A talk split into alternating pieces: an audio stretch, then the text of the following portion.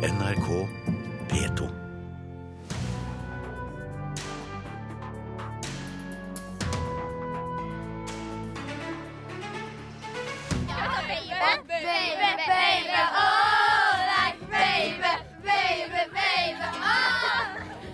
Justin Bieber klar for konsert i Oslo i kveld, elleve måneder etter skandalekonserten. Nå nekter rektor elevene å jakte på popstjerna i skoletiden. VG mener at TV-serien Nobel er formidabel. Hør Jon Selås sin anmeldelse. Og er det riktig at media vier så mye spalteplass til Brangelinas skilsmisse? Fredagspanelet svarer. Dette er Kulturnytt. Jeg heter Stine Tråholt. I dag er det klart for den første av to konserter med Justin Bieber på Telenor Arena utenfor Oslo. Sist han var i Norge, skuffet Bieber publikum ved å forlate scenen etter bare én låt. Og det canadiske ungdomsidolet var nok enda mer populær for noen år siden, sier musikksjefen i P3. Men Bieber-fansen er ikke nødvendigvis enig i det.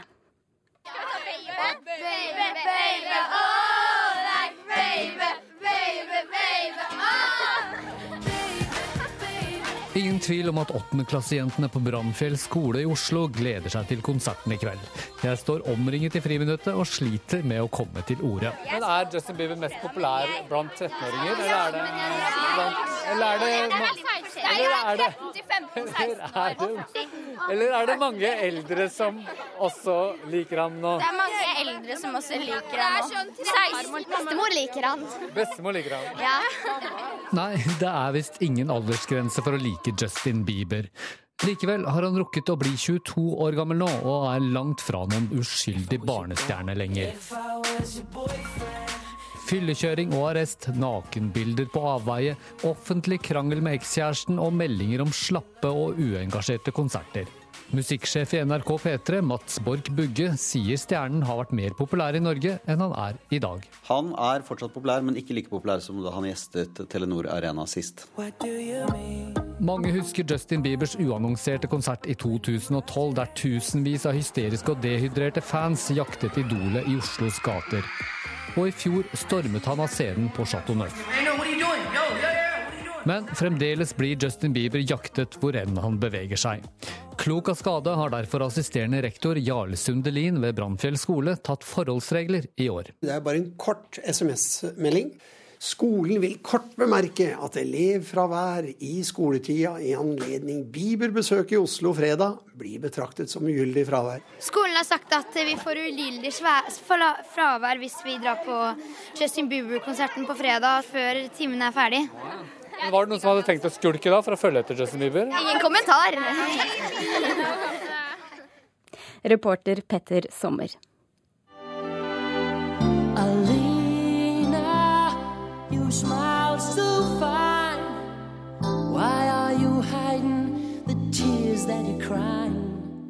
Og når Drama synger låta Alina, så er vi jo plutselig tilbake på 80-tallet. For det er jo ikke bare Justin Bieber som får jenter til å skrike. Når Muffe og Gacky fra Drama og Creation kom til byen på 80-tallet, ja, da ble folk helt gærne.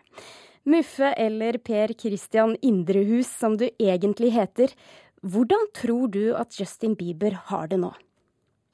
Du, jeg tror han har det ganske tøft. Han har jo som, som, de fleste som blir artister hatt et drivende ønske om å bli populær, og har blitt det så til de grader at jeg tror at nå etter en viss tid med den enorme populariteten og, og voldsomme attraksjonen, så begynner det å bli en ganske stor belastning for han, som vi, begynner, som vi for lengst mener jeg har begynt å se også tegn på.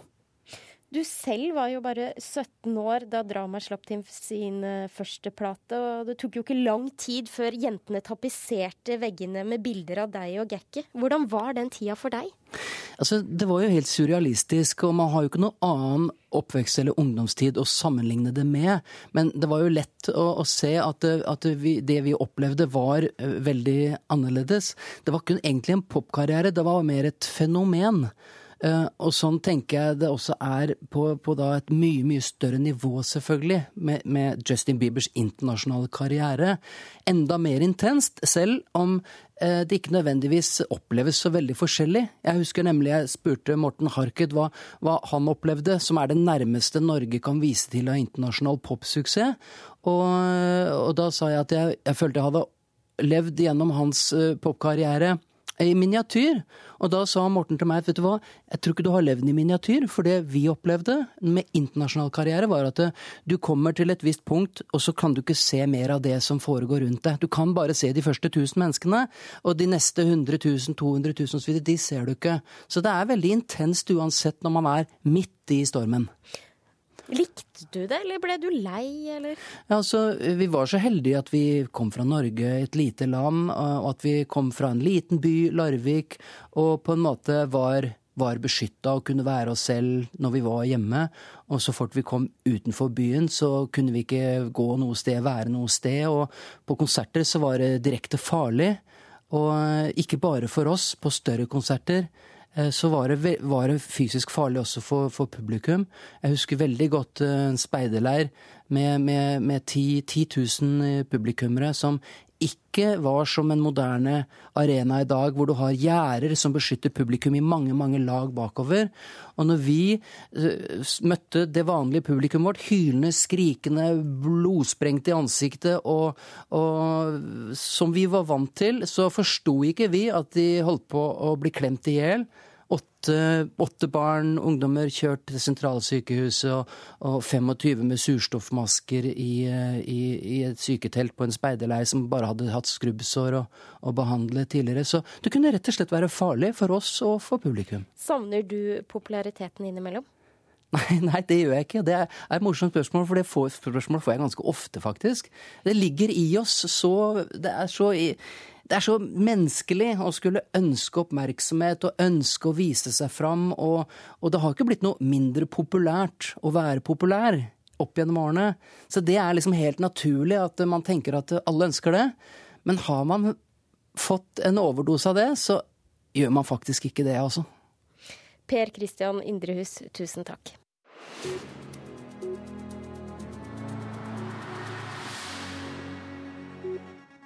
Og da skal vi ta en titt i avisene. I dag så skrives det om en ny utvikling i konkurransestriden mellom de små og de store forlagene i Norge. Reporter Nikolai Volsdal, hva handler dette egentlig om? Nei, eh, Dagens Næringsliv skriver i dag at Gyldendal og Cappelen Dam nekter å betale milliongebyr til Konkurransetilsynet. Og dette er noe som stammer fra en sak i slutten av juni, eh, som egentlig har pågått mye lenger enn det. Men da eh, varslet Konkurransetilsynet eh, at disse forlagene skulle få et milliongebyr, i tillegg til Aschehoug og Vigmostad Bjørke. Og grunnen til dette begyret, gebyret, som skulle være på 23 millioner kroner, var for å bekjempe at de får full kontroll over bokmarkedet i dagligvarebutikkene, etter at tilsynet mente disse forlagene hadde samarbeidet ulovlig. Hva er de uenig i? De er uenig i at eh, konkurranse, altså i Konkurransetilsynets bevisvurdering, eh, hvor de mener at det ikke er grunnlag for et vedtak om ileggelse av dette gebyret. Og Hva sier de to andre forlagene? Altså Skipsted forlag, eh, som da ble solgt til Vigmostad og Bjørke, forteller også at de er uenige i vurderingen, eh, og at de har kommet med egne merknader til dette. Mens eh, Aschehoug skal da ha levert deres tilsvar i går, for da gikk fristen ut, eh, men det er foreløpig ikke kjent hva den er. Tusen takk, reporter Nikolai Voldsdal. Vi, vi, skal snakke litt om NRKs nye TV-serie Nobel. Krigsveteran Kenneth Lysel han kjenner seg igjen i NRKs nye krigsdrama. Eh, han har tjenestegjort i Afghanistan og opplevde hvordan han måtte berolige slekt og venner, samtidig som han planla sin egen begravelse. Vi vet hvem som la ut bomben, og likevel så kan vi ikke gjøre noe. Skal vi bare løpe rundt og skyte folk vi mener har gjort noe gærent? Vi venter på at de skal vende våpen mot oss og ta ladegrep. Først da kan vi skyte. I det bitte lille sekundet der utkjemper vi vår krig, og det er helt spesielt for Norge. Vi er ikke her for å drepe. Nei.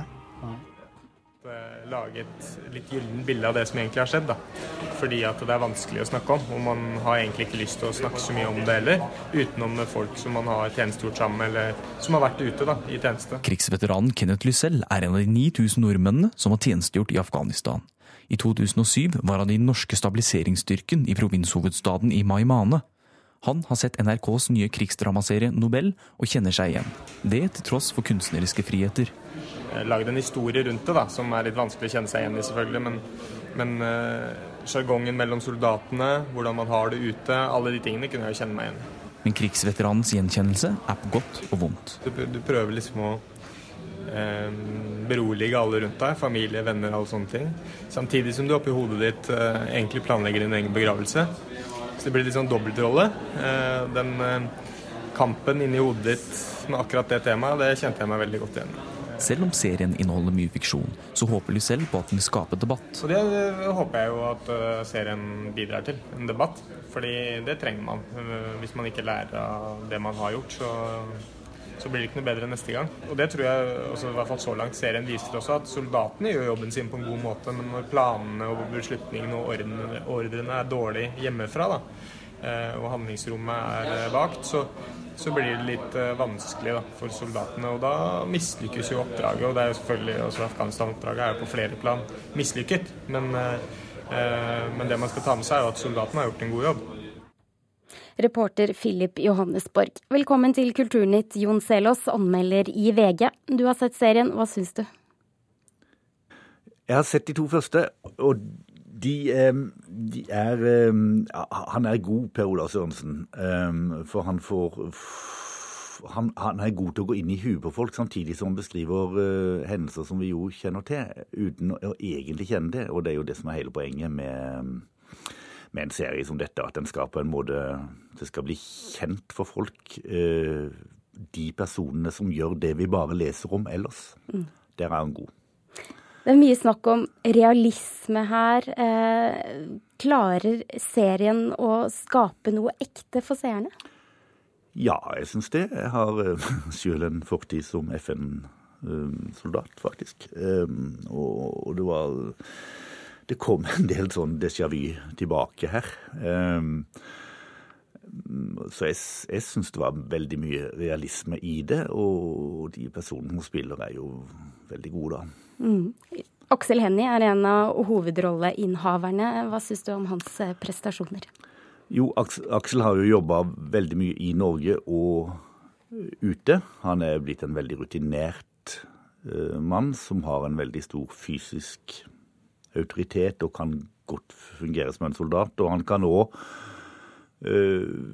Han har òg den sårbarheten som gjør at du skjønner at dette dreier seg om mennesker. Men det er klart han blir jo drevet langt, langt, langt ut på kanten.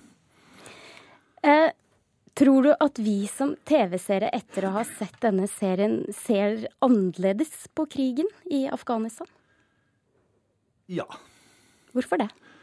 Eh, fordi at Norge er jo per definisjon på mange måter et ganske naivt land. Altså, vi tror ikke når grusomheter begynner og ting, folk blir drept og folk blir torturert og, og sånn, så uh, vi tror jo nesten ikke på det. Um, at det skjer, men de gjør jo det. Beklageligvis. Eh, og en sånn norsk offentlig debatt har veldig vanskelig for å ta inn over seg alvoret.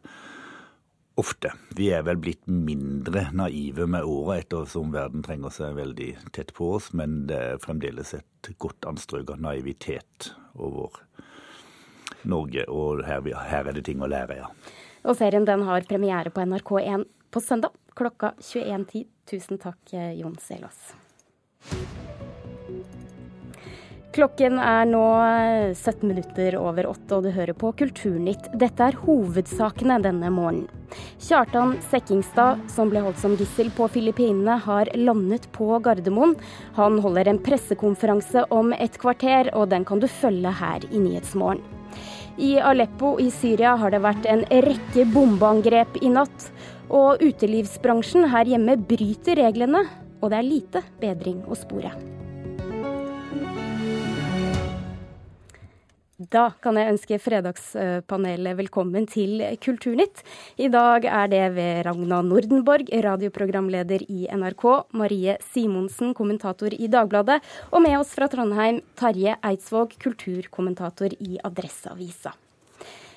Vi går rett på Brangelina, for når et av verdens største kjendispar skiller lag, Brad Pitt og Angelina Jolie, så ble det umiddelbart en stor nyhet verden over. Og årsakene og spekulasjonene rundt det hele har vi kunnet lese om siden. Er det riktig at vi bryr oss så mye om hva Brangelina gjør og ikke gjør, Terje? Ja. Ragna? Ja og Marie. Ja da. Hvorfor det, da? Er ikke dette ganske privat? Det er veldig mange mennesker som skiller seg. Altså, Skilsmissestatistikken i Norge er vel eh, ja, rundt 50. Men eh, det er jo sånn at mediene skal eh, klare å, å både ha en, en, god dose underholdning, en god dose politikk, en do, god dose graving. Og det blir jo en miks. Eh, og man kan jo hisse seg opp over at, eh, at det hver dag kommer nye små drypp om at Brad Pitt eh, først kan ha røyka veldig mye hasj, så kan han kanskje ha slått ungen sin. Det er jo er, Jeg skjønner at det å liksom få en ny sånn historie, hvis man virkelig ikke bryr seg hver dag. Men, men, men mediene er nå engang sånn. Og så er det faktisk verdens mest innflytelsesrike kjendispar, med en god portefølje på å gjøre fine ting for verden. Men, men eh, det er jo nettopp det at de er litt sånn bisarro-par. Eh, altså, De har jo drevet og adoptert eh, halve verden her. Eh, seks barn er det blitt, og de har gjort mye ut av disse familieforholdene sine. Jeg må innrømme personlig at en av fordelene med å være blitt litt voksen, som det heter, er at jeg ikke bryr meg så mye. Men, men, eh, men, men leser du det likevel? Ja, det Litt mer overfladisk enn jeg gjorde før. Men jeg skjønner jo veldig godt at dette må til. Det er jo, det er jo derfor vi har kjendis, for at vi skal leve oss inn i livene deres og være opptatt av det. Og vi må jo si Brad Pitt er jo liksom min generasjons uh, main man.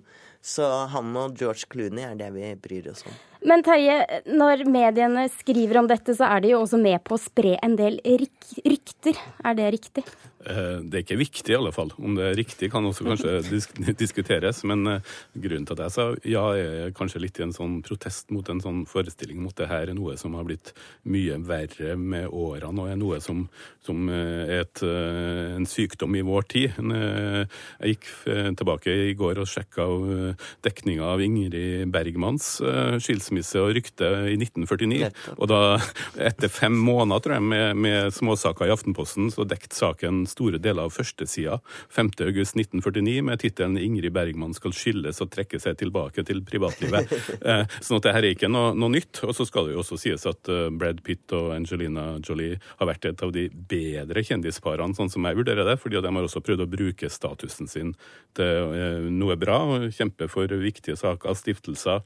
Uh, og de har vel laga også halvparten av barna sine selv, så vidt jeg eh, vet, selv om de også har, har adoptert noen. Eh, det som jeg syns er litt synd, at de ikke rakk å lage noe god film sammen. Kanskje, det den... kan de jo fremdeles gjøre. Da. Ja, Det tviler jeg sterkt på. og de har jo laget Mr. og Mrs. Smith. Ja. Men det, går det et skille her nettopp fordi at de har brukt sin kjendismakt til å drive et veldedig arbeid? Gjør det at vi kan igjen bry oss mer om en når en slik ting skjer i forhold til andre store filmstjerner? Det er i hvert fall kanskje lettere å forsvare at man eh, bomber eh, aviser og særlig nettstedene da, med det. fordi at de har jo denne litt sånn eh, Ja, som, som Teresa og andre sier, altså de har, har jo en, en, en en, et mer sånn mindre privat formål med livet sitt. Altså de, de deler om seg, de, de, gir masse penger til ulike organisasjoner, eh, og de, og de er eh, hvassere, da, eh, mener jo folk rent sånn intellektuelt, enn veldig mange ja, andre. Kan det jo hende at noen ble litt lett lettet, for apropos som du var inne på, at folk skiller seg og, og prøver å få til livene sine. Og så har de sett på dette superparet som har reist rundt med seks unger og uh, reddet verden og spilt inn filmer og vært superhot hver gang de viser seg på uh, offentlig. Så heldigvis så gikk det ikke likevel. Vi går videre ved, til Helga Pedersen fra Arbeiderpartiet. For hun ønsker å bli den første sametingspresidenten, da som ikke snakker samisk.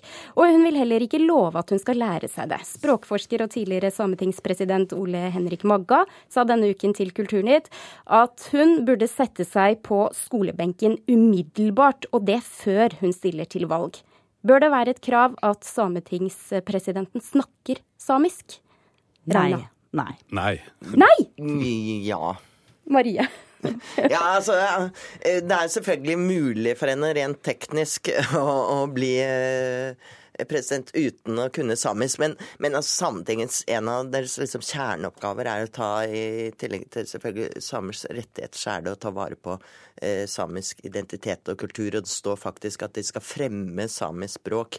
Så det blir jo veldig litt sånn Merkelig. altså Riktignok har vi hatt en trønder som er fylkesmann i Agder, og vi har hatt en vestlending som er fylkesmann i Oslo og Akershus, og vi har en bergenser som er statsminister, men en sametingspresident som ikke kan snakke samisk, syns jeg vil være veldig rart. Og en underlig fun fact til er jo at Helga Pedersen faktisk er en av de mest språkmektige på tinget.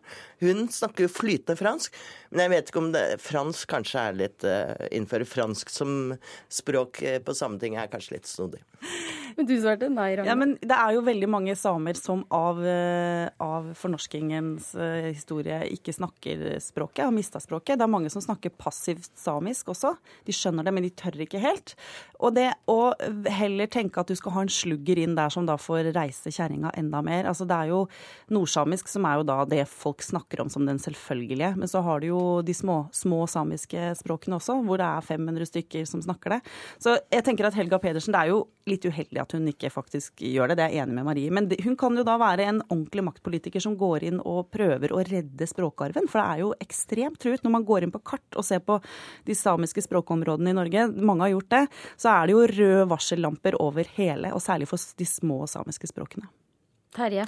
Jeg tror vel at vi som ikke er eller snakker samisk, skal være forsiktige med å sette krav til sametingsvalget. Men eh, sånn som jeg tenker, så er det vel mer viktig at du forstår det, enn at du snakker det. Eh, den helga her er det vel premiere på en stor norsk film om en, om en konge som kom til Norge og eh, aldri snakka norsk, så vidt jeg vet, men han skjønte det. Hadde han ikke gjort det, så hadde, hadde nok både historien og mye vært annerledes.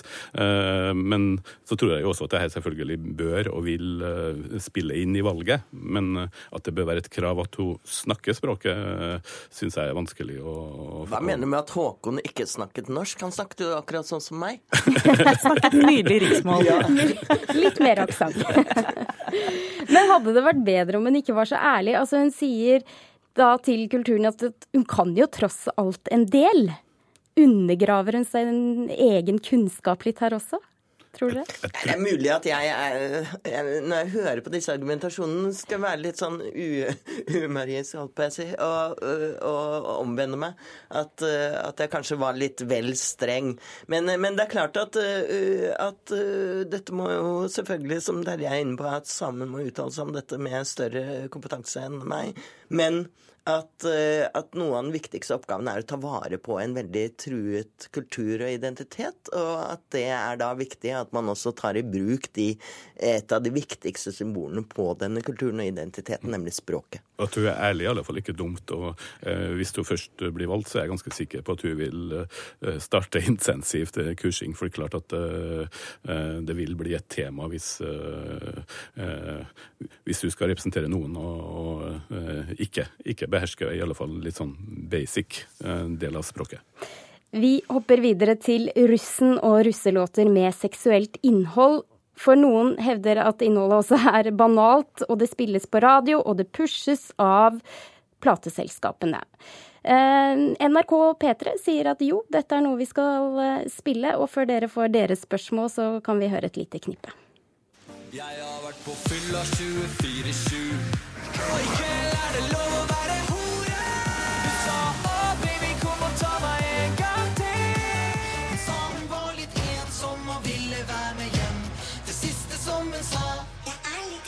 vill. Ifra gekko, skal røske deg i trusa, rive av deg blusa. Jeg har døpt låra mine slusa. Heller en god trekant enn en ond sirkel, sant det? Linken for en kombinasjon, bruker ikke kondom, men er clean som flowen. Hun er stolt av min prestasjon. Ei. Er dette noe plateselskapene og radiostasjonene bør holde seg unna? ja. Terje? Nei. Nei. Hvorfor? Nei, men jeg er jo litt fin på det, jeg. Så det kan jeg innrømme med en gang. Jeg syns det er eh, noe ræl. Og så syns jeg det er så mye annet fint som, eh, som står i kø for å bli gitt ut. Som også fenger, altså misforstå meg rett. Men eh, en så ut en så sånn stereotypisk måte å fremstille kvinnelig seksualitet og mannlig seksualitet på, som vi hørte her. Og ikke minst at det er en, en enorm pengemaskin bak det. Jeg vet at det er vanskelig å la være, men uh, å bare tenke banken når du driver plateselskap, det, det, hadde i hvert fall ikke jeg gjort. Men jeg er enig i at musikken er ræl, men, men, teksten er jo litt sånn at, at, den er først og fremst forferdelig fordi den er på norsk. Uh, altså Vi har jo rappa hiphop-låter som er ganske ille og veldig kjønnsdiskriminerende, de òg. Er dette verdier for dine barn, Terje Eidsvåg? Nei, absolutt ikke. Men, men og, og, selvfølgelig så bør de holde seg unna mye av dette. Men å, å, å si at plateselskap og, og, radiostasjoner skal holde seg unna en helt sjanger, punktum, det blir for drøyt uh, for meg. Men uh, at man må gjøre noen av de samme vurderingene som man gjør med andre sjangere. Og, og, så er det andre ansvar som kanskje pålegger radiostasjoner en plateselskap, og også ulike radiostasjoner. Så at man gjør gjør den samme vurderingene her som de gjør for annen popmusikk, men, som jo også er full av men sex. Men vi, vi må, vurdere disse utdannelsessystemmene i Norge. Ja. Det er det. Absolutt. Ja, det er uh, veldig interessant det Marie sier. og det er jo, Man har jo debattert det mye med tekster i rappen, uh, som jo er uh, ekstremt sexistiske. Men det er noe når det kommer hit, og er gjort på den måten, som er en helt ny sjanger og en helt ny kultur, og en helt, som etter min, mitt skjønn en ukultur er en bra en, så skal de vel få lov å slenge den på P3. Men jeg hadde ikke gjort det bare fordi det er populært. Tusen takk, eh, programleder i NRK Ragna Nordenborg, Marie Simonsen, kommentator i Dagbladet, og Terje Eidsvåg, kulturkommentator i Adresseavisa. Produsent for Kulturnytt i dag var Tone Staude. Jeg heter Stine Traalt. Snart får du Dagsnytt. Hør flere podkaster på nrk.no podkast.